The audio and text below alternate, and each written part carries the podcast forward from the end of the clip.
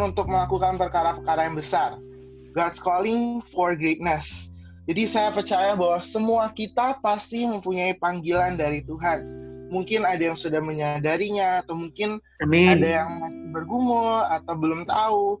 Tetapi yang saya sangat yakin adalah bahwa setiap kita diciptakan Tuhan untuk suatu tujuan ilahi, untuk suatu panggilan khusus untuk kita lakukan.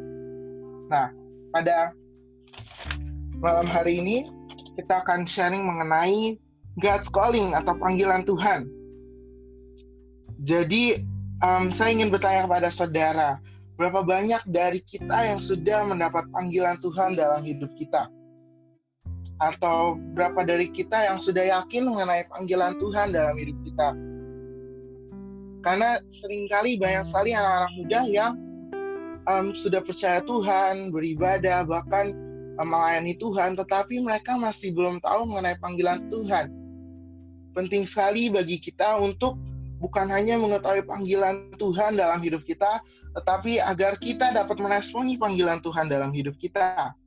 So itu pada hari ini saya akan sharing mengenai panggilan Tuhan untuk melakukan perkara-perkara yang besar bersama Tuhan.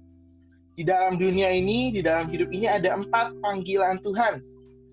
Panggilan yang pertama adalah panggilan untuk bertobat saya percaya pasti semua kita sudah bertobat, sudah terima Tuhan Yesus sebagai Tuhan dan Juru Selamat kita. Panggilan kedua adalah setelah panggilan untuk bertobat adalah panggilan untuk dipulihkan. Kita dipulihkan dari dosa-dosa kita, dari ikatan uh, dosa masa lalu, dari kepahitan. Nah, setelah kita dipanggil untuk bertobat, dipanggil untuk dipulihkan, maka kita ketiga adalah kita dipanggil untuk melayani Tuhan. Setelah kita dipanggil untuk bertobat, untuk dipulihkan, untuk melayani Tuhan, ada panggilan keempat, yaitu panggilan untuk dimuliakan. Tetapi kalau kita tidak meresponi keempat panggilan ini, kita tidak mau bertobat, kita nggak mau um, dipulihkan, kita nggak mau melayani Tuhan, kita nggak mau dimuliakan, maka ada panggilan yang kelima, yaitu panggilan pulang ke rumah Bapa. Nah, pasti dari muka-muka saudara ini kelihatannya masih lama. Amin. Nah, makanya kita belajar untuk meresponi panggilan Tuhan. Semua tokoh-tokoh di Alkitab mengalami yang namanya mendapatkan panggilan Tuhan untuk melakukan kehendaknya pada zaman ini. Kita bisa lihat bagaimana Tuhan memanggil Nuh untuk membangun Batra, Abraham, Ishak, dan Yakub untuk melahirkan, menciptakan suatu bangsa. Tuhan memanggil Musa untuk menyelamatkan suatu bangsa, dan Tuhan memanggil nabi-nabi di perjanjian lama maupun di perjanjian baru untuk menyampaikan firman Tuhan. Nah, pada zaman ini, pada zaman now, sesungguhnya Tuhan sedang memanggil saudara dan saya. Tuhan sedang memanggil kita untuk suatu tujuan ilahi, untuk mengenapi rencana Tuhan dalam hidup kita. Yang menjadi pertanyaannya adalah apakah kita mau meresponi panggilan Tuhan atau kita tidak meresponi panggilan Tuhan. Nah, pada malam hari ini kita akan sama-sama belajar mengenai tokoh Musa ada satu tokoh di Alkitab yang pastinya semua kita sudah tahu, yaitu Musa. Musa adalah nabi besar yang dipakai Tuhan untuk membawa bangsa Israel keluar dari Mesir. Nama Musa sendiri berarti diangkat dari air. Nah, sejak pada masa kecilnya Musa sudah dipersiapkan Tuhan untuk melahirkan perkara-perkara yang besar.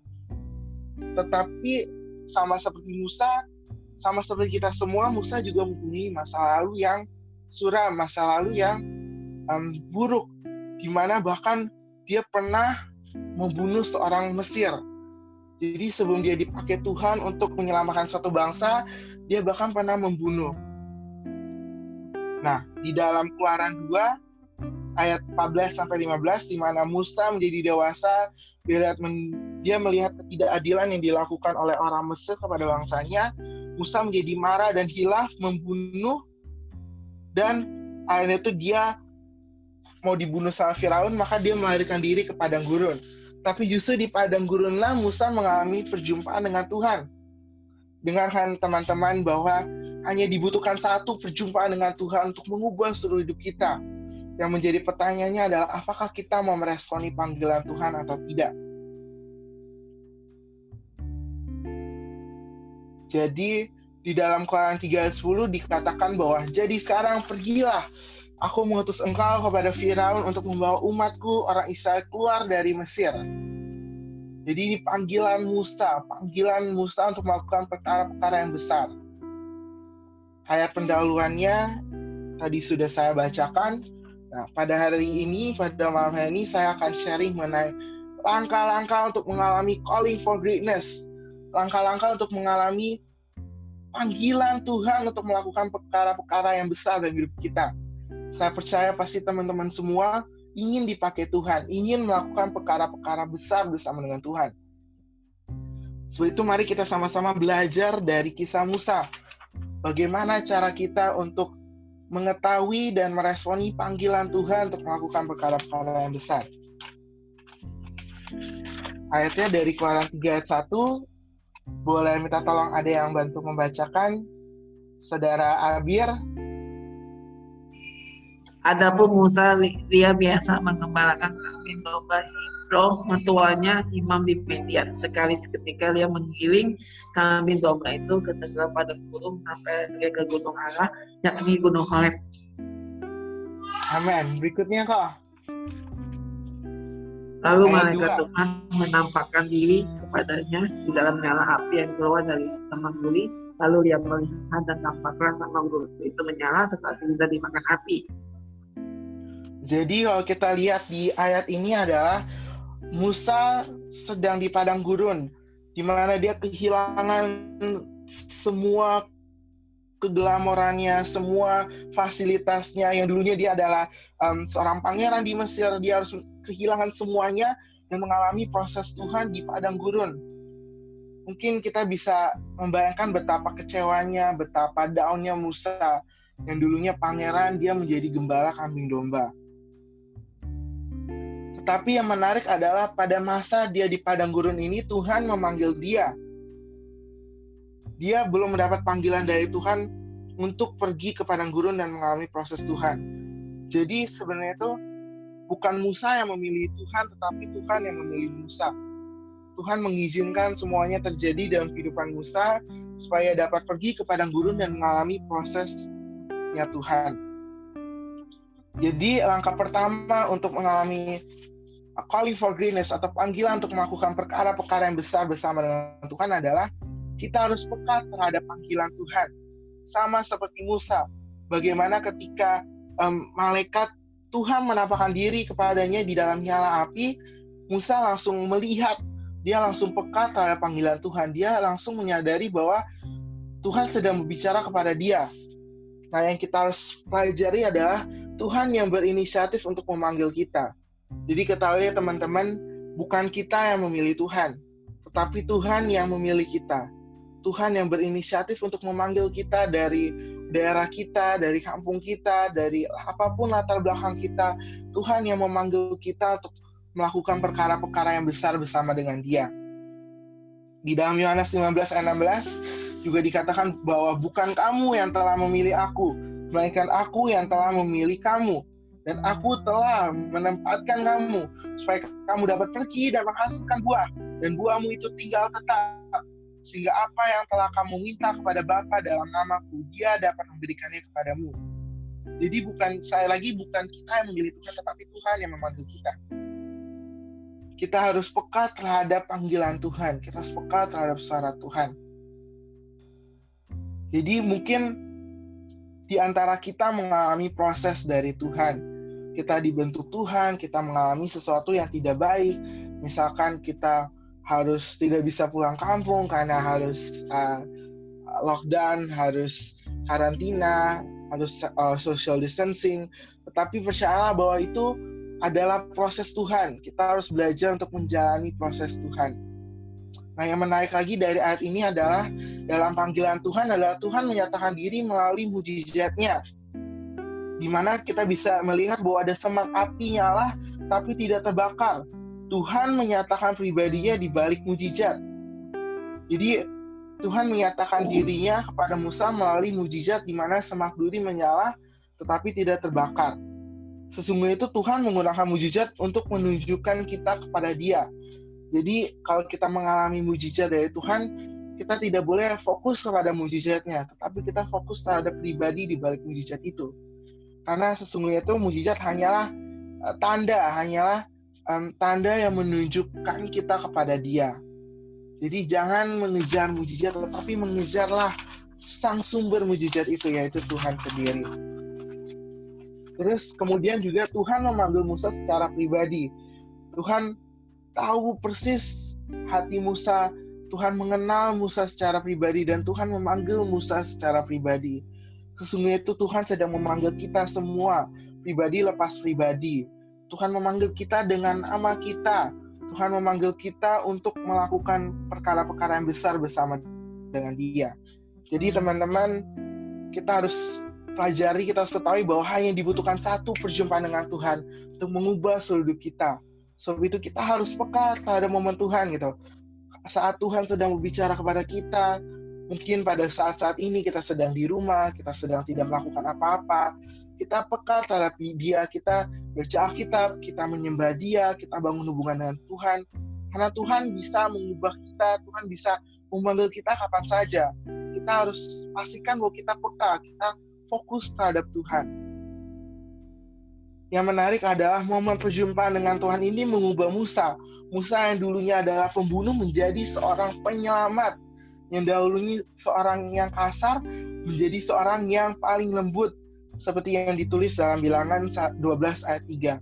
Jadi jika Tuhan bisa memakai Musa yang dulunya pembunuh menjadi seorang penyelamat orang Israel yang menyelamatkan hingga ribuan bahkan jutaan orang Israel, Tuhan juga bisa memakai saudara dan saya Tuhan tidak peduli masa lalumu. Mau kamu pernah, mau Anda pernah saudara pernah buat dosa separah apa, sedosa apa, Tuhan tidak melihat masa lalumu. Selagi kita sudah bertobat, kita minta ampun kepada Tuhan, kita berubah, kita tidak mengulangi yang maka Tuhan bisa memakai kita. Jadi justru yang sering kali oh gitu, bahannya dari sini. Justru yang sering kali mengingatkan kita mengingatkan kita tentang masa lalu kita yang buat kita terintimidasi itu adalah iblis. Iblis suka mengintimidasi kita karena mengingatkan kita akan dosa kita di masa lalu, trauma kita, itu yang menghalangi kita untuk dipakai Tuhan dengan dahsyat. Jadi Tuhan mampu untuk mengubah seluruh hidup kita hanya dengan satu perjumpaan dengan Dia. Tetapi ada bagian kita, yaitu kita harus meresponi panggilan Tuhan. Berikutnya dari Keluaran 3 ayat 3 sampai 4. Gue minta tolong saudara Logos Firman untuk membacakan.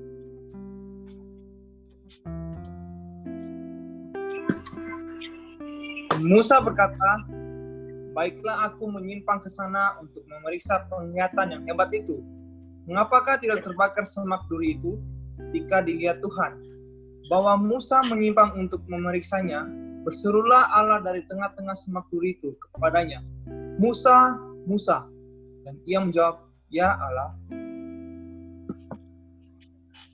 Dikatakan bahwa ketika Tuhan sedang memanggil Musa, Musa, Musa. Musa langsung menjawab, Ya Allah. Jadi kita harus setelah kita peka terhadap momen perjumpaan dengan Tuhan, kita peka terhadap panggilan Tuhan, kita harus meresponi panggilan Tuhan. Ini adalah langkah kedua jadi Tuhan sesungguhnya itu sedang memanggil setiap kita. Tuhan memanggil kita dengan pribadi. Abir, Abir. Firman, Firman. Kau Willy. Iman, Iman. Tuhan memanggil kita dengan nama kita. Bagaimana dengan kita? Sudahkah kita meresponi panggilan Tuhan? Atau malah kita menghiraukan panggilan Tuhan? Atau malah seperti Yunus yang gimana dia melarikan diri dari panggilan Tuhan? Karena mungkin kita tidak enak kondisinya, tidak yang kita sukai, kita menderita atau kita mengalami proses dari Tuhan, mari kita sama-sama belajar untuk meresponi panggilan Tuhan. Jadi Tuhan sedang mencoba untuk menarik perhatian Musa dengan adanya semak duri menyala. Nah coba kalau Musa sedang sibuk sendiri, mungkin zaman dulu nggak ada HP, tapi kalau misalkan Musa hidup zaman sekarang, dia ketika Tuhan memanggil Musa, Musa sedang main HP, sibuk main game, lihat Instagram atau chattingan. Musa nggak bisa meresponi, nggak bisa menangkap panggilan Tuhan dalam hidupnya, karena dia terlalu sibuk dengan uh, hal-hal uh, yang dia bisa biasa lakukan. Nah, teman-teman, mari kita sama-sama belajar bahwa jangan sampai kita terjebak dalam rutinitas kita sehari-hari, mengembalakan kambing domba seperti Musa atau kuliah setiap hari buat tugas, presentasi, main game atau mungkin kita bekerja. Jangan sampai kita fokus terhadap terjebak dalam rutinitas kita sehingga kita tidak menyadari saat Tuhan memanggil kita. Karena Tuhan bisa menyatakan dirinya dan memanggil kita kapan saja. Jadi pastikan saat kita meresponi panggilan Tuhan bahwa kita siap ketika Tuhan memanggil kita. Kita langsung peka dan langsung menjawab panggilan Tuhan. Nah, yang menariknya itu adalah Musa tidak langsung memberikan respon yang benar. Nah, ada lima alasan yang Musa memberikan kepada Tuhan ketika Tuhan memanggil Musa. Yang pertama adalah Musa mengatakan kepada Tuhan, "Siapakah aku ini, Tuhan?" Musa merasa rendah diri, dia merasa dia bukan siapa-siapa di hadapan Tuhan. Sampai dia bilang, "Siapakah aku ini, Tuhan?" Nah, sering kali kita juga merasa sama seperti Musa ketika Tuhan memanggil kita untuk melakukan perkara-perkara yang besar, misalkan untuk kita sharing, untuk kita khotbah, untuk kita melayani Tuhan. Kita sering memberikan alasan, siapakah aku ini gitu aku bukan siapa-siapa kenapa Tuhan gili aku aku nggak bisa apa-apa nah sesungguhnya itu bukan hanya kita yang alami tetapi Musa juga alami sebenarnya itu saya juga merasakan hal yang sama gitu ketika diminta sharing gitu atau uh, pas diminta sharing di youth atau pada malam hari ini merasa saya bukan siapa-siapa gitu aku bukan siapa-siapa tetapi justru ketika kita merasa kita bukan siapa-siapa, kita menyadari bahwa kita tidak bisa mengadakan diri kita sendiri. Kita harus mengadakan Tuhan. Kedua adalah Musa terintimidasi untuk menjawab pertanyaan orang Israel mengenai siapa Tuhan. Ketiga, Musa bahkan bertanya, bagaimana jika mereka tidak percaya kepadaku? Nah, sering kali kita ini uh, Musa khawatir kalau orang-orang lain gimana kalau mereka nggak terima Musa bagaimana? Nah sering kali kita juga alami intimidasi yang sama. Kalau kita sharing, kalau kita nggak didengerin gimana? Kalau malah kita diomongin bagaimana? Seringkali kita terpengaruh oleh apa yang orang lain akan katakan kepada kita atau akan pikir tentang kita. Sampai kita tidak menyadari apa yang Tuhan katakan tentang kita. Sebab ketahuilah bahwa kalau Tuhan sudah memanggil kita, Tuhan sudah memanggil saudara dan saya, maka Tuhan pasti akan memampukan kita. Bahkan yang keempat kali Musa juga komplain kepada Tuhan dia bilang, "Ah Tuhan, aku ini tidak pandai bicara." Musa memikirkan keterbatasannya dan kekurangannya. Justru kita harus menyadari bahwa Tuhan membiarkan kita mempunyai kekurangan, keterbatasan, kelemahan, supaya Tuhan bisa memakai kita, supaya kita bisa menunjukkan kemuliaan Tuhan. Jadi jangan pernah terintimidasi oleh kelemahan kita, oleh kekurangan kita, tapi kita mengandalkan Tuhan, sebab dalam kelemahan kita justru kuasa Tuhan yang nyata dalam kehidupan kita. Sampai yang kelima juga Musa bilang, ah Tuhan, utuslah kiranya siapa yang patut kau utus. Jadi Musa tidak langsung meresponi dengan benar. Nah, teman-teman kita harus menyadari bahwa Tuhan tidak pernah salah pilih. Adanya itu manusia yang salah meresponi. Jadi Tuhan tidak pernah salah memilih saudara dan saya. Tuhan tidak pernah salah memilih kita. Kita ada di tempat kita sekarang, dalam pelayanan kita, dalam kuliah kita, dalam kondisi kita sekarang. Itu Tuhan tidak pernah salah. Adanya itu kita yang salah meresponi. Jadi pastikan bahwa kita meresponi dengan respon yang benar. Nah yang menarik juga adalah kenapa Tuhan memanggil Musa saat dia di padang gurun berusia 80 tahun di mana ia bukan siapa-siapa dan tidak mempunyai apa-apa.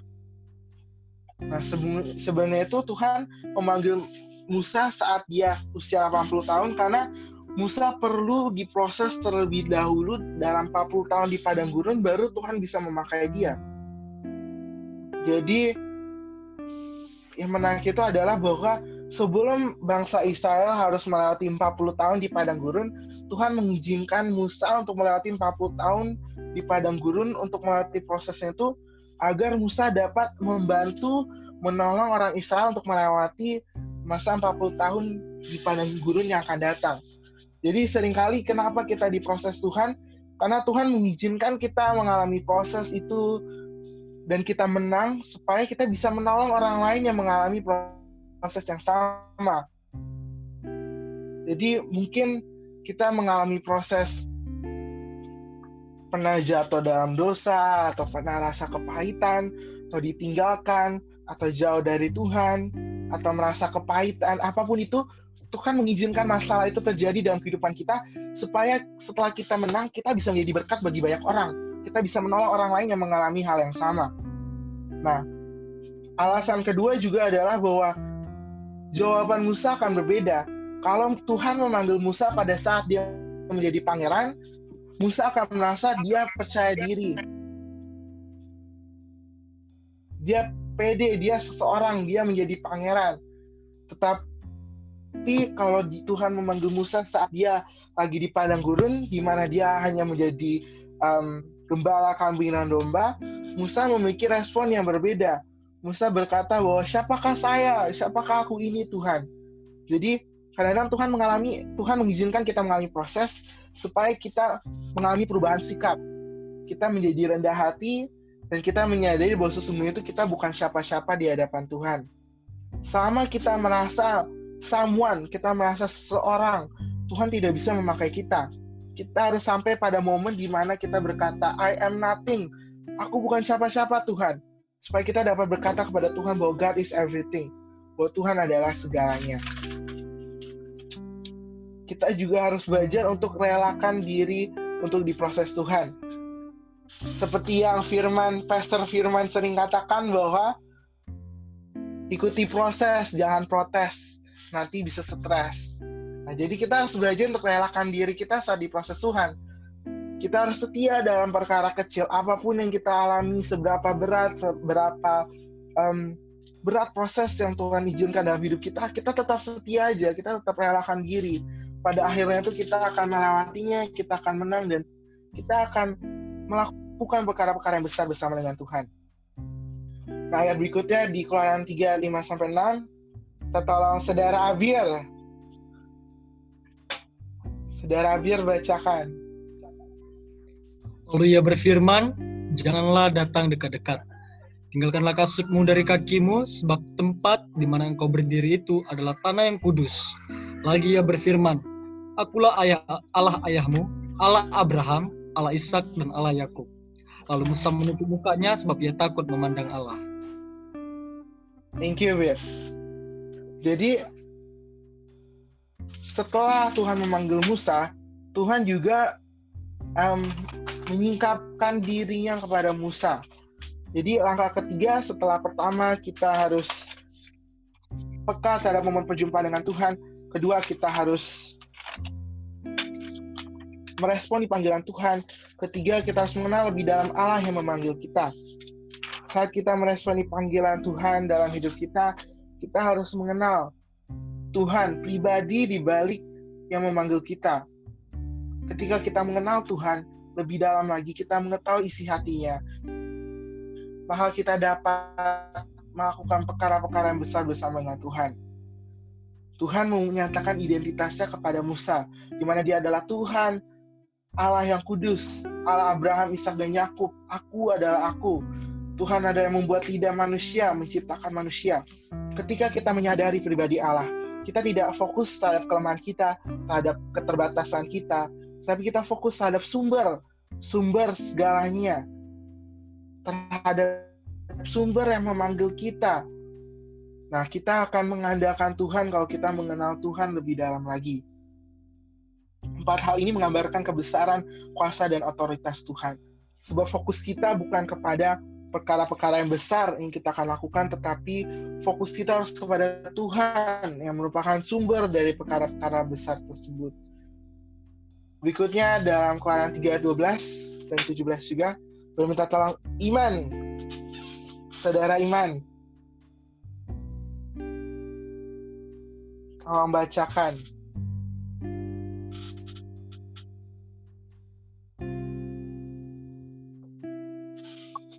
Lalu firmannya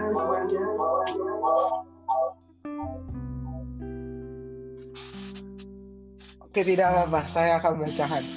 Lalu firmannya, bukankah aku akan menyertai engkau? Inilah tanda bagimu bahwa aku yang mengutus engkau. apabila engkau telah membawa bangsa itu keluar dari Mesir, maka kamu akan beribadah kepada Allah di gunung ini. Ayat 17. Jadi aku telah berfirman, aku akan menuntun kamu keluar dari kesengsaraan di Mesir, menuju ke negeri orang Kanaan, orang Het, orang Amoni, orang Feris, orang Hewi, dan orang Yebus. Ke suatu negeri yang berlimpah-limpah susunya, susu dan madunya. Jadi yang menarik adalah dua kata ini, yaitu Tuhan akan menyertai Musa, Tuhan akan menuntun Musa. Jadi saat kita meresponi panggilan Tuhan, kita tidak sendiri. Sesungguhnya itu Tuhan bersama dengan kita. Walaupun itu panggilan, kita merasa itu panggilan kita, tetapi kita harus bekerja sama dengan Tuhan. Jadi langkah keempat, setelah kita peka terhadap panggilan Tuhan, kita meresponi panggilan Tuhan, kita mengenal Tuhan lebih dalam lagi. Keempat adalah kita berjuang bersama Tuhan melahirkan great things melahirkan perkara-perkara besar dalam kehidupan kita. Sesungguhnya itu tanpa kita Tuhan tidak mau, tapi tanpa Tuhan kita tidak bisa. Jadi jangan pernah merasa bahwa kita bisa sendiri, bahwa kita, kita bisa melayani sendiri, kita bisa sukses sendiri, kita bisa berhasil sendiri, kita bisa um, dipakai Tuhan sendiri. Sesungguhnya itu kita butuh Tuhan. Kita harus bekerja sama dengan Tuhan. Jangan sampai malah kita lebih mengandalkan diri kita daripada kita mengandalkan Tuhan. Jadi pastikan bahwa bukan kita yang memakai Tuhan untuk melakukan perkara yang besar, tetapi Tuhanlah yang memakai kita. Di dalam Keluaran 33 ayat 15 sampai 16, Musa mengatakan kepada Tuhan, "Jika Engkau sendiri tidak membimbing kami, janganlah suruh kami berangkat dari sini." Dari manakah gerangan akan diketahui bahwa aku telah mendapat kasih karunia di hadapanmu, yakni aku dengan umatmu ini? Bukankah karena engkau berjalan bersama-sama dengan kami, sehingga kami, aku dengan umatmu, ini dibedakan dari segala bangsa yang ada di muka bumi ini. Jadi, jangan merasa bahwa kita bisa berjalan sendiri tanpa Tuhan. Kita harus mengandalkan Tuhan di awal panggilannya dan juga berjalan mengenapi panggilannya bersama dengan Tuhan. Kalau kita mengandalkan Tuhan, maka proses apa pun yang kita akan lewati, tantangan, rintangan, hambatan apa pun yang kita akan alami, Tuhan akan menyertai kita. Dan kita akan melewatinya bersama dengan Tuhan. Musa dapat berkata seperti ini kepada Tuhan hanya setelah dia menyadari bahwa I am nothing, aku bukan siapa-siapa tanpa Tuhan. Musa menyadari bahwa dia dapat melakukan perkara besar bersama dengan Tuhan, bahkan masuk ke tanah perjanjian bersama dengan Tuhan. Jadi, yang penting untuk kita pelajari adalah kita harus fokus kepada Tuhan sebagai sumber dari perkara-perkara yang besar. Jangan fokus terhadap perkara-perkara besar itu sendiri.